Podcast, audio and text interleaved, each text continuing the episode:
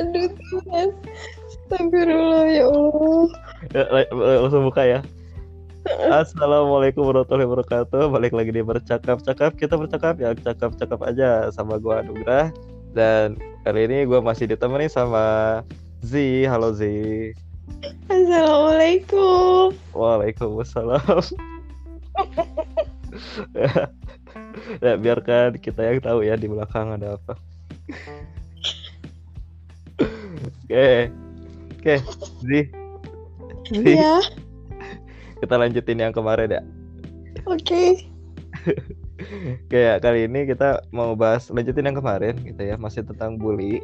Cuman ini bullynya sekarang umum ya. Kalau kemarin kan khusus di dunia pendidikan gitu, teman-teman apa yang gue temuin di dunia pendidikan.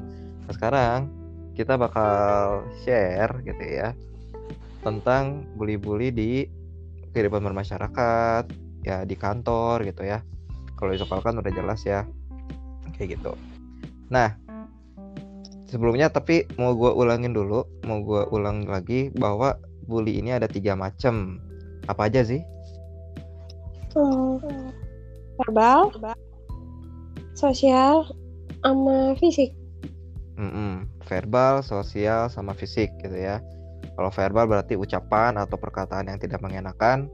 Kalau sosial berarti yang diserang adalah sosialnya. Itu dijatuhkan karakternya, keberadaannya tidak dianggap. Nah, itu itu sosial. Terus kalau fisik berarti ke tubuh orang tersebut atau korban atau si harta bendanya kayak gitu. Nah, kalau kita lihat dari tiga poin tadi ya berarti banyak di kehidupan bermasyarakat pun yang melakukan bully tanpa disadari. Contohnya dalam kehidupan bertetangga gitu ya. Gosip. Gosip-gosip yang nggak jelas tapi menjelekkan satu keluarga atau satu individu. Iya nggak sih? Banget. Banyak. Banyak. Atau misalkan ada orang nih pulangnya malam gitu ya. Tanpa klarifikasi langsung digosipin aku juga pernah soalnya kayak gitu. Jadi kan aku aktif gitu kan di sekolah. Pulang malam digosipin oh itu si Eko gitu kan. Apa namanya? Main gak bener pulang malam-malam gitu. Baju dikeluarin. Ya aku emang baju dikeluarin sih kalau udah pulang sekolah kayak gitu. Itu digosipin yang gosipnya bapak-bapak lagi dasar rempong kan emang bukan cuman perempuan yang tukang gosip cowok juga. Eh tapi per yang cowok jarang ada cowok. Aku nggak pernah nemu juga cowok bilang I love gibah. Oh enggak nggak nemu nggak nemu. Ih belum bukan enggak belum jangan deh. Kalau kamu sendiri kalau kamu sendiri ngalamin nggak apa di kehidupan bermasyarakat gitu? Bully kayak gimana gitu pernah nggak? Entah ke kamu atau keluarga kamu gitu pernah banyak lah. Aja orang mah kalau mau gosipin hal yang gak ada dia ada-adain kan. Iya apalagi keluarga aku pernah disimpan tali pocong sama tanah dibilang aliran sih.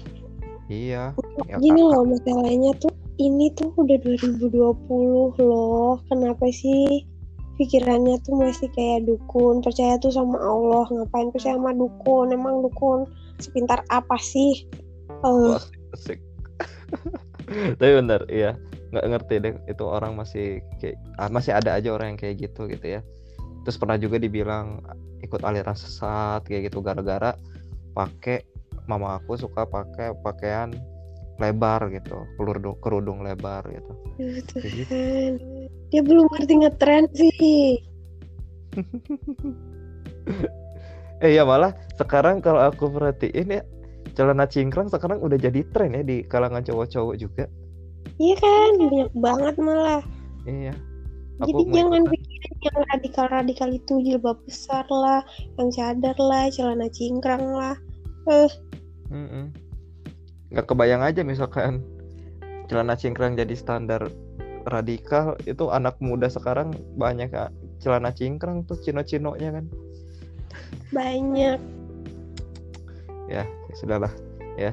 Nah itu contoh uh, bully-bully di kehidupan masyarakat yang mereka nggak sadar kalau itu ternyata sudah masuk ke pembulian gitu.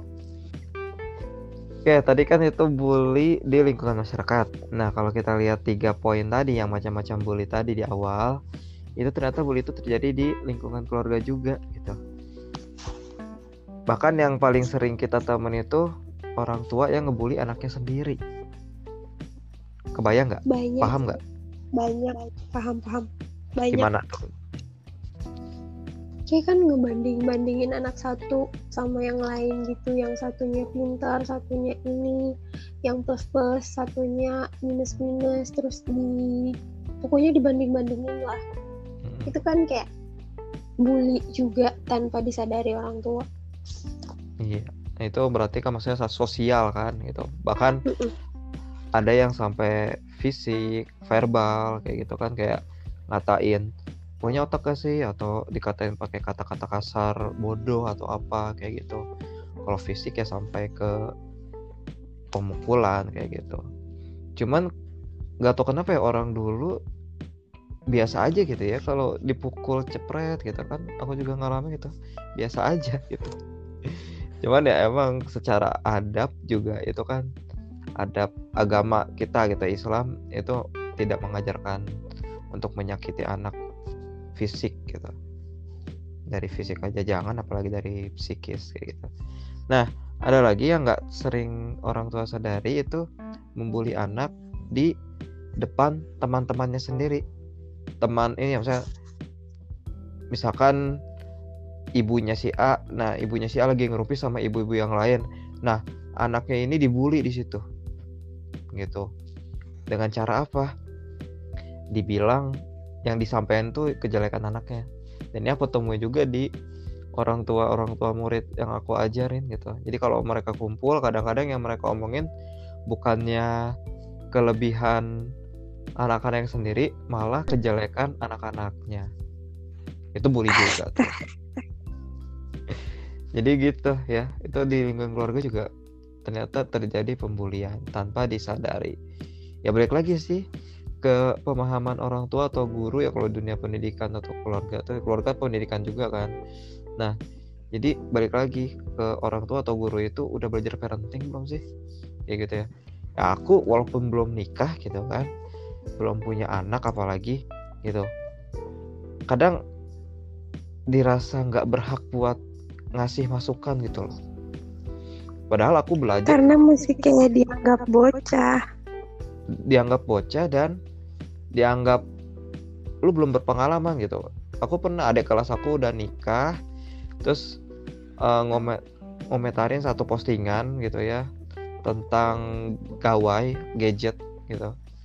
Jangan ngasih gadget ke anak yang masih di bawah umur gitu kan jangan dibiasain. Karena itu ilmiah tuh penjelasnya ilmiah. Eh dia komentar gitu kan wah belum ngerasain aja punya anak gitu. Loh Padahal aku sesuai dengan ilmu yang disampaikan oleh yang ahlinya gitu kan. Belajar di pelatihan gitu kan, pengalaman juga selama ngajar kayak gitu. Jadi seolah mereka yang ngerasa punya pengalaman duluan merasa apa ya? Yang belum berpengalaman tuh ah lu belum punya pengalaman ngapain ngomong-ngomong kayak gitu udah coba aja dulu gitu merasa kayak ah lu tahu teorinya doang, prakteknya kan belum. Nah itu. Padahal yang ngasih teorinya kan orang yang udah praktek kan. ya itulah orang-orang yang closed minded gitu ya. Ya, itu ya jadi tanpa disadari itu sering dilakukan gitu pembulian itu oleh orang tua sendiri atau guru kemarin yang udah kita sebutin contohnya kayak gitu. Balik lagi, kalau mau jadi guru, mau jadi orang tua belajar dulu parenting yang bener gitu. Sesuai Islam kayak gimana sesuai keilmuan psikologi kayak gimana kayak gitu. Itu. Nah itu. Dan bullying juga terjadi di tempat kita kerja. Itu bisa terjadi entah dari teman sejawat atau bahkan dari atasan sendiri. Gitu. Sebenarnya sih tetap mengacu ke tiga poin itu ya. Cuman kalau di tempat kerja tuh agak kompleks karena bisa samar gitu pembuliannya kita ngerasa dikasih kerjaan padahal pekerjaan yang kita terima itu adalah salah satu tanda yang mungkin itu uh, tanda-tanda pembulian kayak gitu. Nah, aku bacain ya. Ini dilansir dari hello hellosehat.com. hellosehat.com. Bentar, bentar. Contekannya mana? Contekannya mana? Contekannya mana? Oh ini. nah, ya. Nih, menurut eh dilansir dari eh hilang dong. Mana sih? ah ini ini ini ini ada ada. Ketemu ketemu ketemu. Kacau ini kacau nah ini nih ya dilansir dari hellosehat.com ini disampaikan oleh alinya uh, ada tanda-tanda yang bisa kita lihat bahwa kita sedang dikenai bully gitu ya. Sedang mengalami bully. Yang pertama diberi tugas atau pekerjaan yang begitu banyak tapi alasannya nggak jelas. Kritik terus menerus alasannya nggak jelas. Suka diteriakin suka dijadikan bahan lelucon lelucon kitanya gitu ya. Bahkan bisa menyakitkan kayak gitu. Terus sering kali diabaikan atau tidak diikutsertakan dalam berbagai kegiatan. Kayak gitu misalkan mau ada lagi ada event apa uh, tapi nggak diajak tuh di kepanitiaan kayak gitu. Terus ada gosip yang tidak enak kemudian dihalang-halangi untuk mendapatkan kenaikan jabatan bonus atau kesempatan berharga lainnya. Nah kalau yang di poin terakhir nih aku juga punya tuh pengalaman. Kalau di guru itu kan ada namanya sertifikasi. Jadi berhak guru itu kalau udah lolos syarat-syaratnya itu berhak dapat tunjangan dari pemerintah. Nah, yang ngurusnya ini namanya operator. Nah, pernah nih ada teman ngajar aku di tempat kerja sebelumnya, dapat ngajar sebelumnya itu uh, si data guru ini dihapus dari dinas supaya nggak cair tunjangannya itu. Jahat banget. Iya, dan itu itu kan masalahnya finansial ya parah itu nutup rezeki orang banget kan bang astagfirullah iya dan ironisnya apa coba operatornya itu itu dulu adalah murid si guru itu. Hah? jadi kan si gurunya ini nggak dapat tunjangan gara-gara datanya dihapus kan? Hah? nah yang ngehapus ini adalah operator sekolahnya. Operator sekolahnya ini adalah muridnya dulu. Gitu. muridnya si guru, guru yang, yang harusnya dapat sertifikasi ini. Mm -mm. wah parah banget tuh murid. Wah parah. Parah. Padahal si murid ini juga masuk situ dibantu sama si guru itu. Jadi kayak kacang lupa kulitnya gitu loh. Parah parah. Wah parah banget. Wah durhaka banget sama gurunya. Wah parah. Durhaka banget. Emang nggak nggak tahu kenapa ada masalah apa ya. Bahkan si gurunya juga bilang saya juga nggak tahu ada masalah apa sampai si murid ini bisa berlaku demikian ke si guru gurunya sendiri kayak gitu. Jadi sampai datanya dihapus dari dinas. Terus udah akhirnya tahu-tahu dapat laporan loh ini kan data ibu nggak ada di dinas gitu. Jadi beliau ini sampai datang ke dinas terus dicek ternyata datanya nggak ada. Kayak gitu. Konfirmasi ternyata katanya salah pencet. Ya kali aku juga pernah jadi operator dan aduh salah pencet itu kemungkinannya 0,00001 persen deh. Itu karena jelas. Aduh. Gitu. parah. Ya Allah astagfirullahaladzim ya itu tadi tanda-tanda kalau kita sedang dibully di tempat kerja nah masih dilansir dari website yang sama Menurut Guru Besar Psikologi Industri dan Organisasi dari UI Universitas Indonesia, Dr. Endang Parahyanti, MPSI, itu menjelaskan kalau untuk melawan bullying di kantor itu kita perlu mengembangkan sikap tegas dan jangan merasa sungkan untuk menolak sesuatu yang mengusik kondisi psikologis kita. Jangan gak enakan sih ya intinya gitu ya. Hmm. Nah, ini di, dilanjut lagi. Ada beberapa hal yang bisa dilakukan untuk menghadapi pembuli ini. Dan ini juga aku lihat sih poin-poinnya bisa dilakukan juga di kehidupan bermasyarakat. Mungkin nanti kita kita gabung aja gitu ya. Nah, kalau menurut Dokter hmm. Endang, hmm. kalau di kantor itu kalau ada satu orang aja yang ngebully kita atau nindas kita, itu lurusin dulu sama orang itu secara empat mata. Kasih tahu perasaan kita gitu ya kalau eh, nggak uh, bisa diterima perlakuan dianya itu gitu. Tapi susun kata-kata dan ekspresi wajah yang kira-kira baik gitu jangan sampai songong kayak gitu. Malah uh, bikin masalah baru dan si pembulinya itu merasa nggak diterima kayak gitu. Jadi lat bisa kalau apa kalau bisa latihan dulu ngerangkai kata terus nunjukin ekspresi wajah uh, sama orang-orang terdekat bisa latihan sama keluarga pasangan kalau udah nikah atau sahabat kita. Terus jangan membalas perlakuan tukang bully gitu. Kalau dibalas yang terjadi pertama itu kejamnya sama aja ya apa bedanya kita dengan si pembuli gitu kan. Yang kedua malah bisa menambah masalah kayak gitu. Jadi lebih baik ditenangkan tenangkan diri dulu ketika si tukang bully berulah. Daripada ngebales mending kumpulin bukti tuh. Sekarang kan era digital nih gitu kan? Semua pegang smartphone kan? Gitu. Udah Sed pasti. Sedikit banget yang nggak nggak megang smartphone lah sedikit banget gitu. Apalagi ini bisa dilakukan juga nih untuk semua kalangan ya baik itu ya di korban di masyarakat pendidikan maupun di kantor. Nah aku ke share aja nih yang nambahin uh, untuk mengumpulkan bukti ini kita bisa gunakan gawai kita atau gadget kita. Sekarang ada kan di aplikasi itu ada Android ya Android atau smartphone pokoknya itu ada perekam suara. Nah itu kita bisa pakai tuh.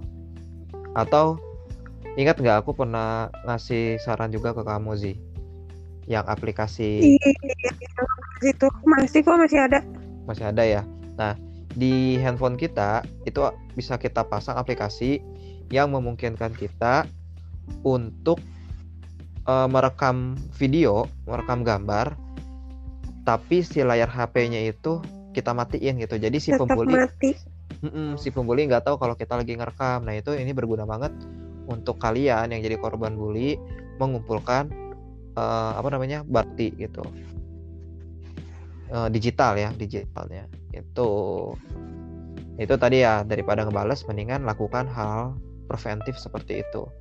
Nah, kalau tadi kan kalau cara efektif eh kalau cara-cara di atas tadi udah nggak efektif kita bisa minta tolong yang berwenang.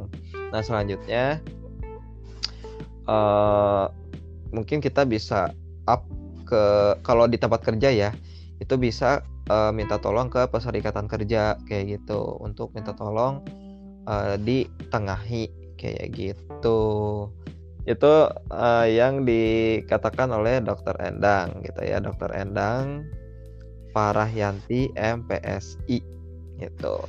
Nah tambahan juga kalau kita ngadepin orang yang dibully gitu ya itu kita nggak perlu ikut ketawa atau jangan terlalu banyak nanggepin gitu. Kenapa? Soalnya kalau dibully terus kita ketawa berarti kan kita setuju kalau diri kita tuh sedang dibully, iya nggak sih? Banget. Ya kan? tapi masih ya kita yang dibully kita yang ketawa. Iya terus kan? Oh dasar lu gendut. Oh iya gua gendut gitu. Ya kan orang malah ya makin iya makin sengaja gitu kan? Iya gak sih? Uh -uh. gitu. Jadi jangan ikut ketawa iya, gitu. iya kan kata-kata mereka gitu. Nggak Gimana? sengaja mengingatkan kalau misalnya kita dibully gendut gitu kan terus kita ketawa oh hmm. ketawa hahaha ikutan ketawa ya justru kita kayak mengiyakan kata-kata si pembuli itu. Nah iya itu. Jadi jangan ikut ketawa ya. Walaupun kita ngerasa itu lucu tapi tahan dulu gitu. Kalau dalam hati kecil kita ngerasa ih gua nggak suka tapi lucu tapi pengen ketawa gitu kan udah tahan dulu jangan ketawa. Terus jangan takut gitu ya kalau udah masuk ke tahap intimidasi jangan takut gitu. Pembuli biasanya akan terus membuli kalau kita nunjukin ketakutan. Gitu. Oke, stay cool aja gitu kan. Stay cool gitu. Atau kalau mau agak keras itu gertak dikit aja. Gitu gertak dikit tapi ini harus hati-hati juga lihat karakternya. Karena kalau beberapa orang ketika digertak balik itu tadi jangan ngelawan ya ketika diketak balik malah makin tertantang kayak gitu. Terus percaya diri dan kenali potensi diri gitu. Sikap percaya diri juga penting gitu. Karena kalau udah kita minder diejek oh udahlah kelihatan tuh oh nih anak minder. Udah yang ngejek makin puas aja gitu. Terus gimana nih biar kita bisa nanggepin? Pakai bercandaan pakai humor kayak gitu. Misalkan tadi atau tadi kan gemuk ya. Ya diledekin kurus gitu. Ledekin kurus. Ada selalu kurus ceking gitu ya. Uh, korek api gitu kan. Nah. Nah itu kita jawab aja dengan santai. Tapi nggak perlu nggak perlu ketawa berlebihan gitu ya. Jawab dengan kalimat kayak gini misalkan. Tenang obat penggemuk peninggi masih banyak kok. Besok gue beli dah gitu. Ya nggak itu kan sih. iya lebih lebih kedenger ih ini orang apa sih malah nanggepin kayak gitu gitu kan. Bikin pembuli itu kayak ih SWT banget sih eh, bahasa dulu SWT apa kalau sekarang tuh ih nggak jebo banget nggak jelas banget sih gitu kan. Akhirnya jadi jadi nggak tertarik si pembuli itu ya itu terus cari banyak teman cari banyak teman yang support diri kita gitu ya.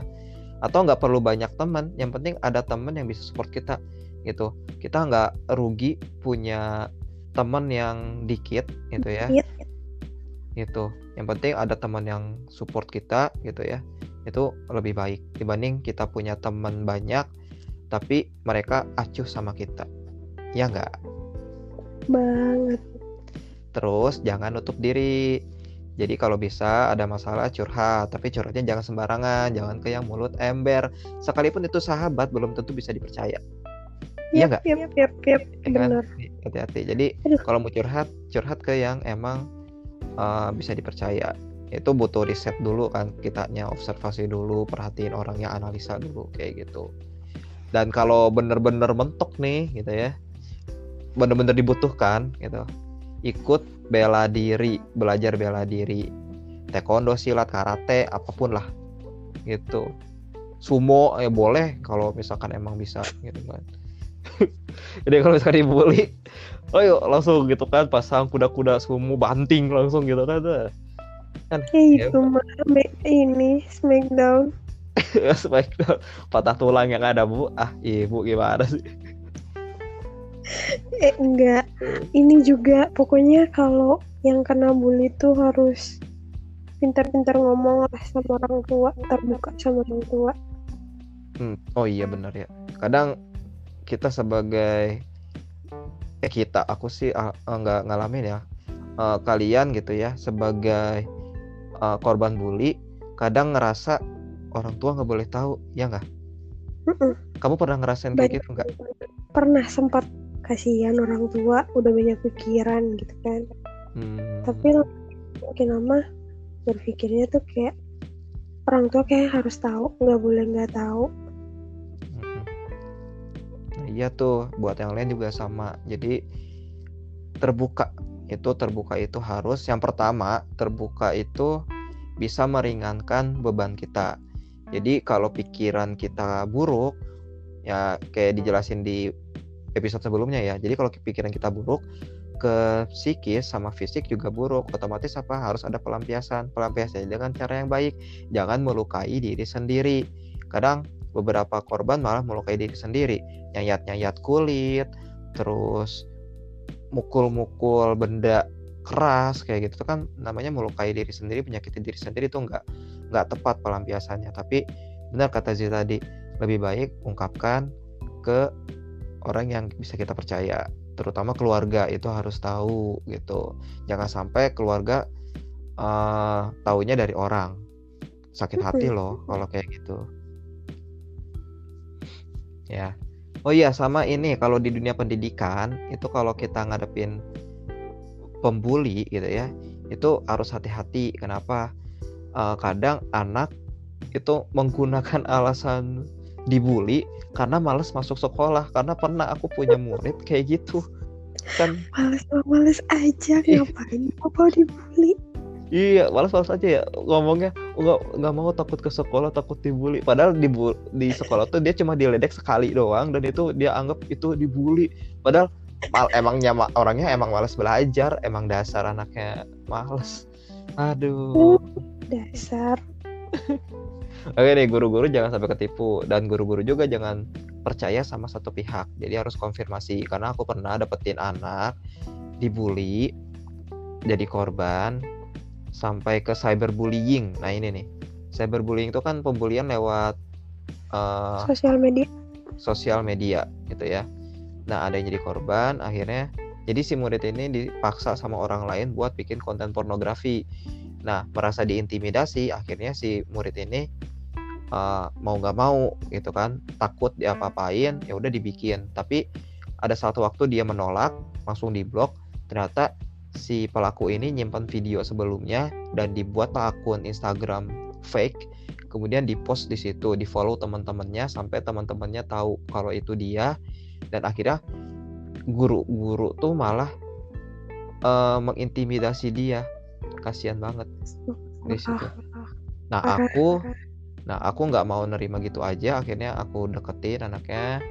Eh enggak dia nggak masuk langsung nggak masuk beberapa hari karena trauma aku tanya deketin teman-temannya sebenarnya apa sih yang terjadi?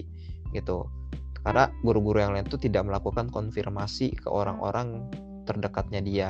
Bahkan ke keluarganya pun gak ada konfirmasi lebih jauh gitu. Akhirnya aku lakukan secara inisiatif ya udah uh, tanya ke teman-temannya aku ajak yuk kita jenguk yuk ayo.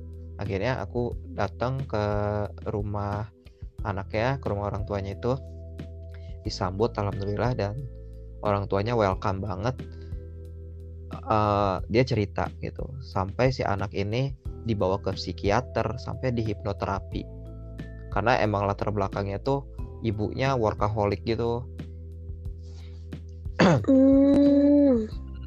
jadi ya paham lah. Jadi kurang apa? Kurang perhatian. Kayak gitu. Sampai orang tuanya ini minta tolong ke aku uh, katanya gini uh, saya minta tolong bantuannya Pak Nunu buat aku bi lupa bilangnya apa pokoknya buat apa namanya uh, nguatin anaknya lagi kayak gitu. Karena saya butuh orang yang bisa masuk ke hati dia. Dan yang masuk ke hati dia itu bukan orang tuanya kayak gitu. Berarti siapa kalau orang tuanya sampai ngomong kayak gitu lah ngerti nggak Gak, gak. Bentar, masih mencerna. Orang tuanya tuh kan bilang, gitu ya, minta tolong ke aku, minta tolong ke Pak Nunu buat nguatin dia karena saya butuh orang yang bisa masuk ke hatinya dia. Dan setelah hipnoterapi kemarinnya itu sebelumnya itu ketahuan bahwa yang ada di dalam hatinya itu bukan orang tuanya gitu. Berarti yang ada dalam hati si anak itu siapa? Kanunu. Nah iya, justru malah si anak itu ngerasa diperhatiin sama aku kayak gitu. Karena emang kayak kalau di sekolah tuh aku kan suka merhatiin anak-anak ya. Ini oh, anak punya penyakit apa nih? Oh asam lambung, nggak boleh ini ini ini ini. Oh ini anak punya uh, gangguan di paru-paru, nggak boleh ini ini ini harus bawa ini ini ini. Nah aku kadang merhatiin beberapa anak kayak gitu, walaupun mungkin nggak ke handle semua gitu, tapi beberapa anak yang memang sering sakit gitu. Nah, termasuk anak ini dan dia ngerasa uh, mendapatkan perhatian yang orang tua eh yang dia tidak dapatkan dari orang tua. Itu dari aku salah satunya. Nggak tahu kalau dari orang lain sampai sempet aku didukung buat berjodoh sama dia loh. ya, cuma aku nggak mau.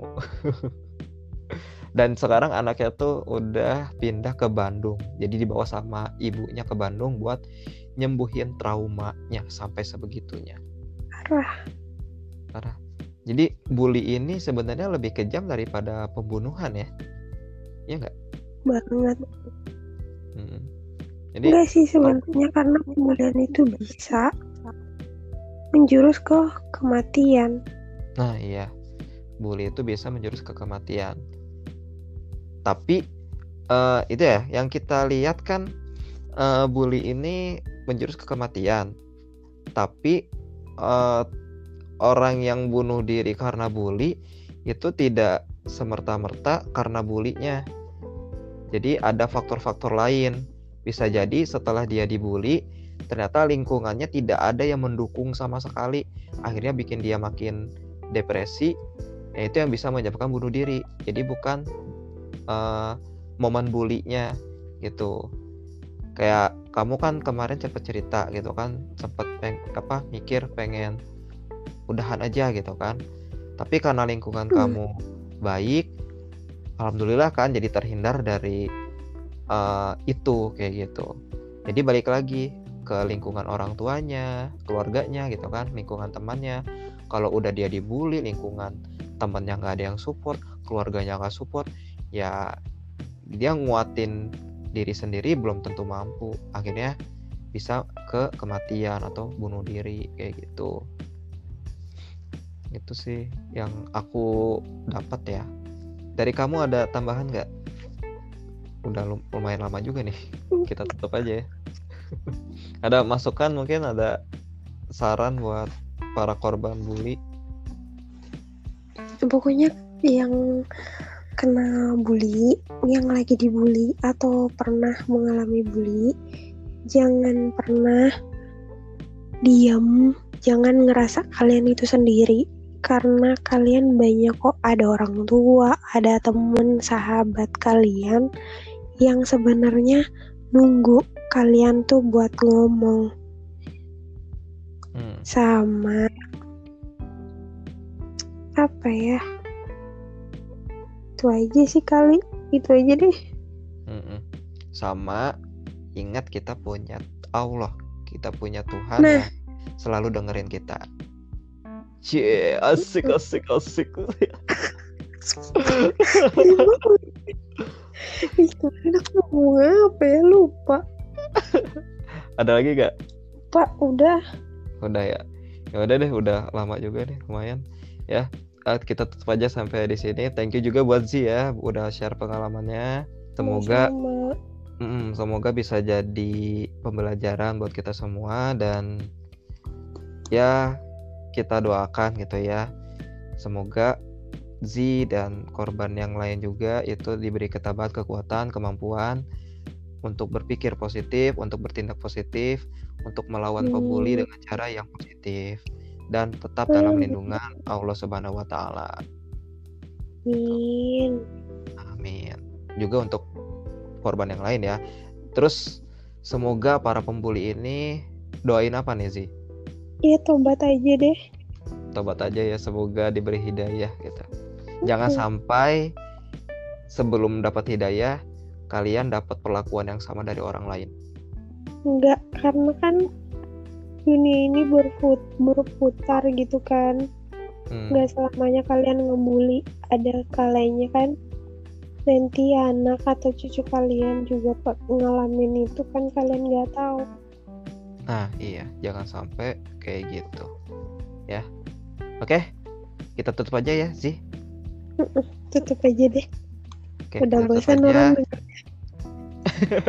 kita tutup aja. Jangan lupa follow instagram bercakap-cakap di @bercakap-cakap aja. Ajanya diketik @bercakap-cakap aja. Subscribe juga channel youtube-nya bercakap-cakap. Sampai ketemu di bercakap-cakap berikutnya. Wassalamualaikum warahmatullahi wabarakatuh